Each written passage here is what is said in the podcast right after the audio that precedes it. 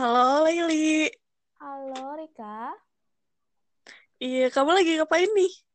Ih, lagi santai aja sih. Kenapa?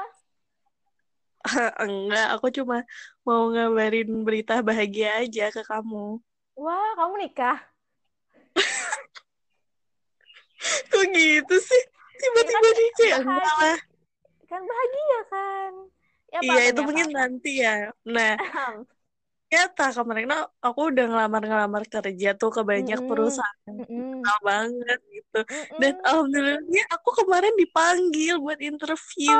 Alhamdulillah. Selamat. Iya. Hmm, makasih. Dan kamu tahu nggak, dalam sehari itu ada dua perusahaan yang panggil aku loh. Oh, Keren banget kan? Oh, beruntung banget sih. Keren gila. Wow. Sukses ya.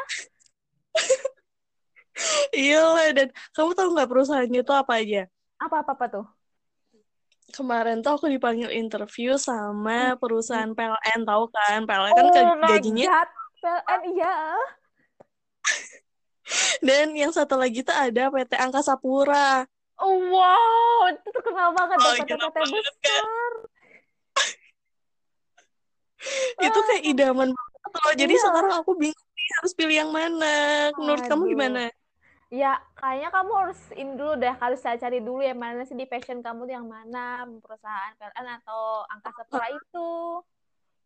Eh gitu ya. Mm-mm. Eh, nanti deh aku pikir-pikir eh, dulu kan kalau di Angkasa Pura kan enak tuh Kak. kayak Mm-mm. misalnya ada artis-artis Korea datang gitu ke Bandung. Aduh. Ya, siapa tahu ketemu jodohnya ya. Haha, That's right. Mhm, Oke, sukses buat Rika ya. Iya doain ya supaya lancar. Amin, amin, amin, amin. Oke deh.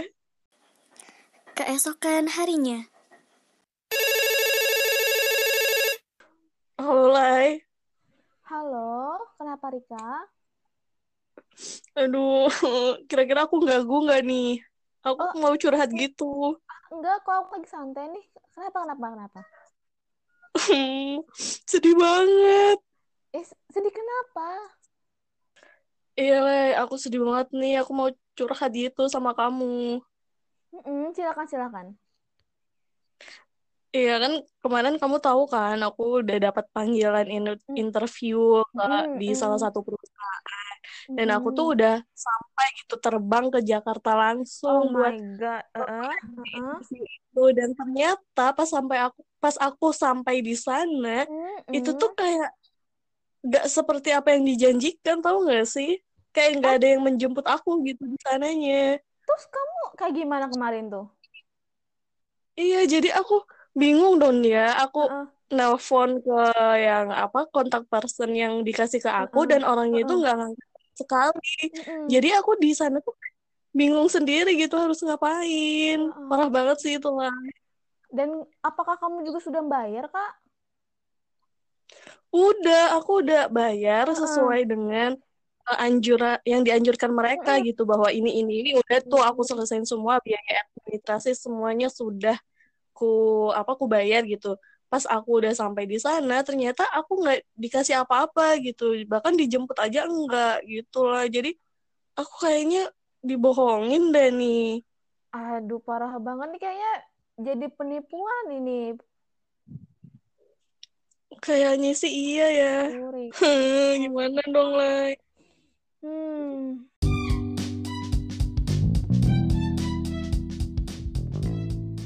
Bersama Layli di sini, Dan juga Rika di sini. kita kembali lagi di podcast kesayangan kita di Fikum.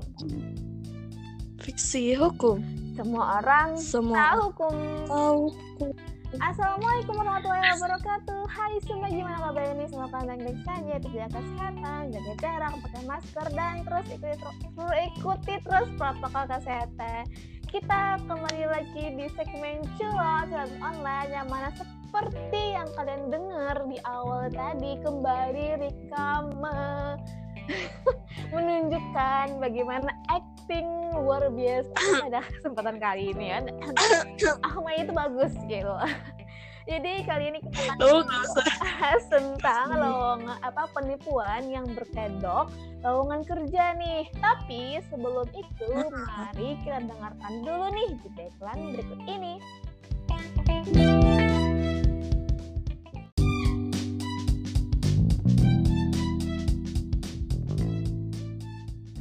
Terima kasih kawan-kawan yang sudah sabar menunggu jadi langsung aja nih. Tadi kayaknya Rita, eh, Rita lagi Rika acting kan? Orang deh. Rika acting kan tadi kan? acting dong, tapi real dari banget. ceritanya itu ada sedikit real. Iya, Apa tuh yang realnya tuh? heeh. Ceritakan. yang realnya yang kena lowongan bodong itu yang realnya, tapi yang kayak nangis-nangis yang aku tadi eh, apa datang langsung ke Jakarta itu bohong ya, belum sempat kena tipu. Alhamdulillah ya. Tapi bagaimana Rika tahu Wah. kalau mereka itu penipu? Iya kan awalnya eh, aku dapat informasi berita lowongan kerja itu kan dari kakak aku Mm. kan ngirim link ke aku. Jadi habis eh, beliau ngirim link ya aku searching lah, aku lihat-lihat lowongan kerjanya dan ya udah kayak asal masukin gitu aja loh. Jadi asal masukin data-data dan Mm. semuanya Mm-mm. eh, entah itu masuk atau enggak itu urusan belakang. Hmm. Jadi ya udah aja aku kirim semuanya. Habis itu udah deh beberapa hari kemudian baru deh dapat eh, email. Eh pertama dapat SMS Hmm. dulu sih dari si. PLN Kasapura tadi. Sama sebenarnya ada satu lagi. Jadi aku tuh dapat Oh. tiga lowongan bodong. Eh, Gak tanggung-tanggung ya. Iya. Habis di SMS, habis itu kata katanya pas di SMS itu disuruh ngecek email. Ya udahlah aku ngecek dan ternyata bener nih ada surat panggilan buat interviewnya. Jadi ya aku baca kan selamat ini ini. Pokoknya susunan apa ya formatnya mereka itu rapi banget dan kayak surat panggilan interview beneran gitu.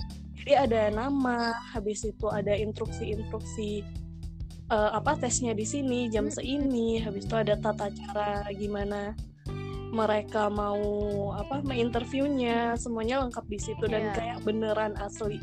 Wah, beneran asli ya. Aku juga lihat nih yang kemarin Rika kirim bener-bener kayak emang niat banget untuk untuk membikin.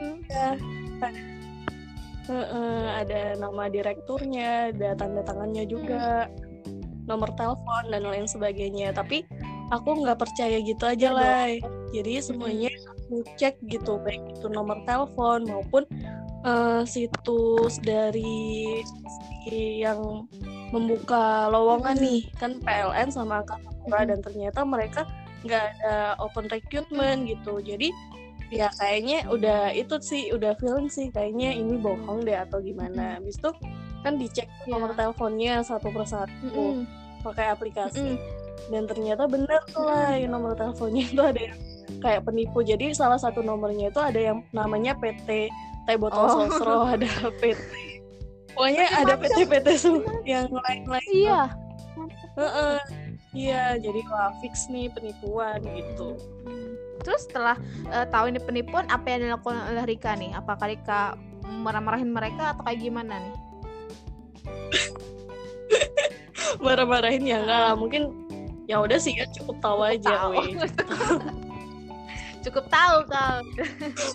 nah, awalnya sih emang mm, banget Mm. sih cuma apa ya kan awalnya tahu bahwa linknya itu oh kayaknya linknya ini bukan link yang asli gitu loh link abal-abal soalnya nggak pakai yang kayak apa yang kan biasa kalau asli itu pakai .co.id Mm-mm. ya kalau nggak salah itu tuh pakai yang biasa yang HTTP apa gitu Tuh. oh gitu. Nah, kalau di sini kan emang dari Rika sendiri emang sudah cerdik nih, pinter dia mencari-cari informasi dulu sebelum percaya apakah itu memang benar-benar lowongan kerja yang asli. Tapi bagaimana nih Rika kalau teman-teman kita di rumah atau pendengar nih eh, yang mungkin lagi mencari kerja juga, bagaimana sih tipsnya agar bisa terhindar dari eh, penipuan berkedok lowongan kerja ini? Mm-mm. Iya kita sebagai pencari kerja ya pencari kerja itu harus pintar-pintar gitu dan harus jeli dalam mencari lowongan kerja yang Mm. ada di internet kan banyak tuh Iya. sekarang beredar link-link ada di internet yang di mana pun bisa diakses gitu yang pertama sih cari linknya itu yang emang asli gitu bukan abal-abal atau kita kunjungi website langsung si perusahaan itu kan biasanya banyak tuh di internet. Nah, cari deh info info di situ apakah perusahaan itu membuka lowongan pekerjaan atau tidak. Kalau misalnya kan pasti di webnya itu kan disebar tuh link buat pendaftarannya. Nah, itu kalau apa ya kalau mencari di situs-situs yang kayak abal-abal biasanya itu beberapa kemungkinan itu adalah abal-abal juga gitu pekerjaannya. Gitu. Dan juga kalau misalnya kita udah dapat panggilan tuh jangan langsung jangan langsung gegabah. Kan biasanya kalau di surat yang dikirim ke aku yang panggilan itu kan uh, segera segera menghubungi kami untuk reservasi dalam pokoknya dikasih jangka waktu hmm. gitu.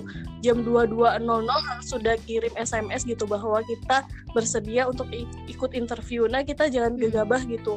Mau mau mengiyakan gitu. Kita harus cari tahu benar-benar dulu apa yang di dalam surat itu benar atau iya. enggak sih gitu. Dan salah satunya tadi adalah ngecek nomor teleponnya pakai aplikasi namanya Get Contact ya. Ini bukan iklan ya. Kita nggak di endorse. Semoga ntar ada. Iya namanya Iya, pokoknya dicek dulu nomornya dan segala macamnya di situ. Itu sih kalau aku. Pokoknya yang paling penting cari info-info itu di situs yang terpercaya ya. atau datang langsung ke websitenya perusahaannya. hmm, iya. kalau Laili sendiri gimana? Apakah pernah gitu mengalami yang seperti um, aku? Alhamdulillahnya sih Laili sampai detik ini masih belum ada panggilan sama sekali.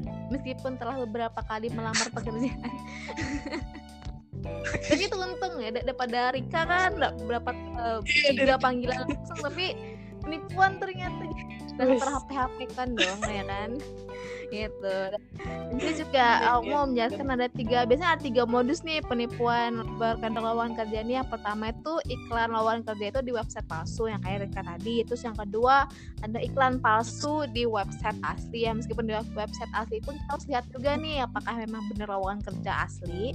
Lalu yang ketiga nih biasanya yang sering banget cepet-cepet kayak tadi reservasi agar um, mentransferkan uang sejumlah uang kayak gitu loh biasanya untuk kan para pemegang kerja harus mentransferkan uang di apa kayak deposit lah bayar di awal nanti digantikan akan mm -hmm. dikembalikan di akhir gitu ya. Iya, modus-modusnya sekarang banyak ya. Banyak. Mereka buahnya lagi.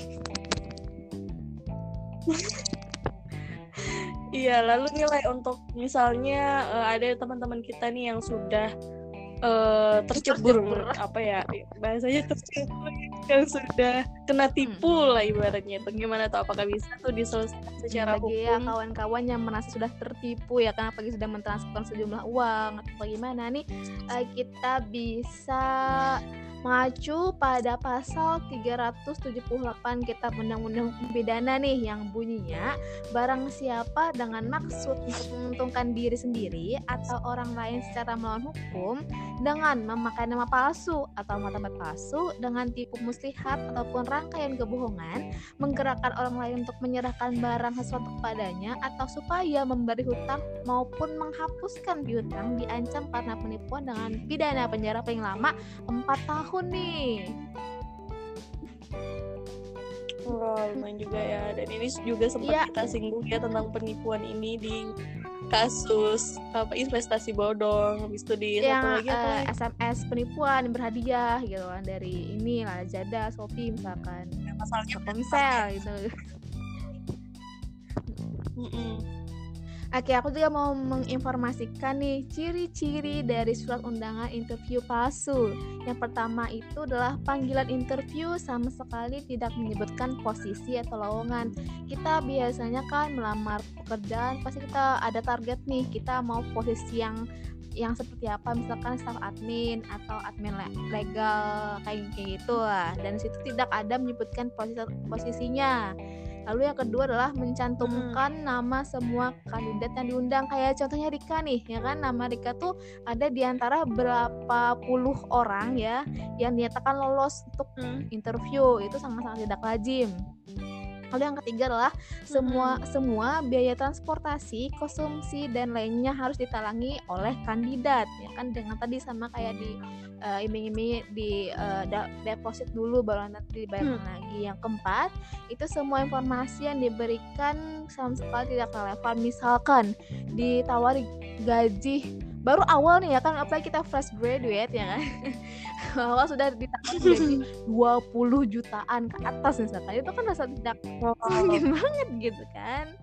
Lalu yang kelima yang terakhir itu banyak bagian yang tidak perlu atau tidak lazim dan tidak perlu disebutkan dalam surat undangan interview. Misalkan ya uh, di situ dituliskan tanya jawab mengenai interview atau interview tenaga kerja kan masa kita sebelum di interview sudah ada kisi-kisinya gitu loh kisi-kisi nanti ditanyakan hmm. pertanyaan kayak gini jawabannya oh kayak gini pertanyaan kayak gini jawaban kayak gini itu sangat tidak lazim di hmm. um, surat undangan interview kayak gitu Iya, itu beberapa sudah uh, apa ada dalam iya. kasus aku kemarin ya ciri-cirinya. Hmm, bener banget. Apalagi nih Dika, uh, ya kan masalah ini mungkin Rika, Rika, Rika kan nggak nggak tertipu, berarti Rika nggak ada mau mengeluarkan uang justru ada juga yang bilang kenapa kenapa hmm. harus di, kenapa harus dipermasalahkan eh, uh, sih rugi di, mengeluarkan uang juga enggak.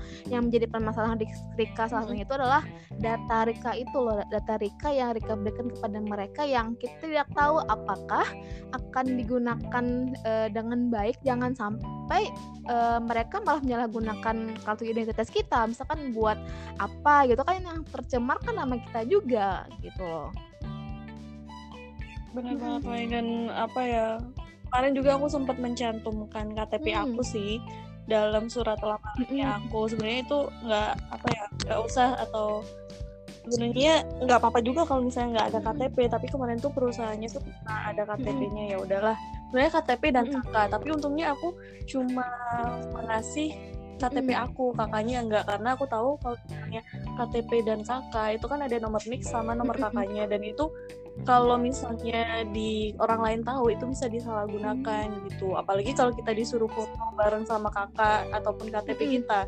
Nah itu bisa banget buat disalahgunakan. Jadi hati-hati juga ya kalau misalnya disuruh kayak gitu. Kecuali kayak tes PNS ataupun yang lainnya itu nggak apa-apa. Ini kan cuma perusahaan apa ya cuma perusahaan gitu bukan yang dari pemerintah. Jadi hati-hati ya, banget tuh bisa disalahgunakan dan aku mam tadi juga Rika baru lihat di Instagram kan dan e, masalah ada juga nih modus penipuan yang menurut aku sangat-sangat tidak waras sih. Jadi kan karena kita sedang pandemi ya kan?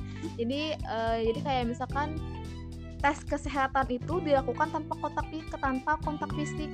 Jadi e, mengatasnamakan tes kesehatan jadi pelamar kerja itu disuruh mengupload sejumlah fotonya tapi dengan telanjang atau bugil. Ya ada seperti itu. Ya jadi itu di foto, di, di foto kan terus dimasukkan dalam aplikasi aplikasi itu memang sudah disiapkan kayak apa sih disuruh mereka kayak install aplikasi kayak gini kayak gini terus uh, untuk tes kesehatan jadi tanpa kontak fisik karena lagi pandemi jadi disuruh foto telanjang atau bugil dan dia upload ke situ. Dan dengan iming-iming yang akan memeriksa nanti kalau perempuannya dokter perempuan kalau laki-laki dok dokter laki ya. Kita pernah tahu yang memeriksa kita dokter perempuan. Masa masa kita bisa percaya gitu aja sih? Iya. enggak waras banget gitu loh lawan oh. kerja kayak gitu. Hati-hati buat kalian ya apalagi sampai kayak gitu. Iya sih, emang ada beberapa instansi ya yang uh, untuk tes kesehatannya memang harus telanjang seperti itu ya. Salah satunya adalah uh, apa polisi ya kayaknya harus dites kesehatan kayak seperti itu. Tapi kalau uh, disuruh memfoto tubuh kita habis itu diupload di aplikasi itu kayaknya nggak wajar juga sih. Soalnya kan dokter mana bisa mencek dengan hasil foto aja itu nggak mungkin Bener banget. banget gitu kan dengan alasannya tanpa apa karena pandemi jadi tidak ada kontak fisik dulu gitu. Mm-hmm. Itu wah. Ah, kalau korbannya ada lah. ya? Aku tidak tahu ada korban atau tidak, cuman modus itu ada. Wah, jangan sampai Jangan ada deh. Semoga ya, apalagi kalau perempuan ya kan. Mm-mm. Takutnya disebarin kan Mm, bener bahaya. banget. Nah, jadi buat kawan-kawan ya apa modus atau penipuan berkedok lowongan kerja ini masih banyak banget berkeliaran di sekitar-sekitar kita apalagi saat ini masa-masa pandemi yang banyak banget pengangguran di mana-mana. Pasti sangat-sangat butuh pekerjaan Hmm. dan apa pun pengen eh, segala cara dilakukan untuk mendapatkan pekerjaan. Tapi ada beberapa oknum-oknum nih yang tidak bertanggung jawab malah melakukan penipuan di masa-masa pandemi ini dan semoga informasi yang kami Iya. berikan tadi bermanfaat nih dan semoga di minggu-minggu selanjutnya kita akan kembali mendengarkan bagaimana acting memukau dari Kanurjana Jangan deh malu ih kalau kalian mau gabung nih acting sama Rika di Curo Hotpot ataupun ya silakan aja hubungi lagi dengan Rika di Instagramnya di @fixhidatukum sekali lagi hubungi kami di Instagramnya Instagramnya di @fixhidatukum kami tunggu kabarnya Iya, dan jangan lupa juga sampaikan kritik dan juga saran kalian ke Fiksi Hukum. Sampai jumpa di episode-episode selanjutnya. Tetap di Fikum. Fiksi hukum semua orang Semua tahu orang hukum. Bye bye. Di balik podcast. Ya podcast. Tahu gimana nih nangisnya? Jangan nangis. Jangan kayak gitu kayak. Man. Iya iya oke. You.